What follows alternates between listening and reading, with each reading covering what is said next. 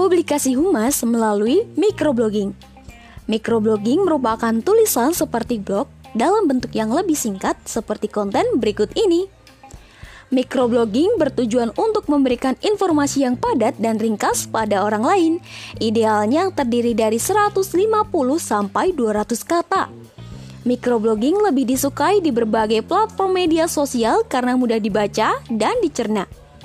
Microblogging dapat dilakukan di berbagai media sosial seperti Instagram, Twitter, dan YouTube. Hal-hal yang perlu diperhatikan untuk membuat konten microblogging adalah membuat konsep yang matang untuk tampilan visual dan teks konten, membuat konten yang menarik dan bermanfaat untuk target audiens, dan mendorong pengguna lain untuk dapat berinteraksi. Nah, gimana nih rekan humas? Sudah siap untuk bikin konten microblogging?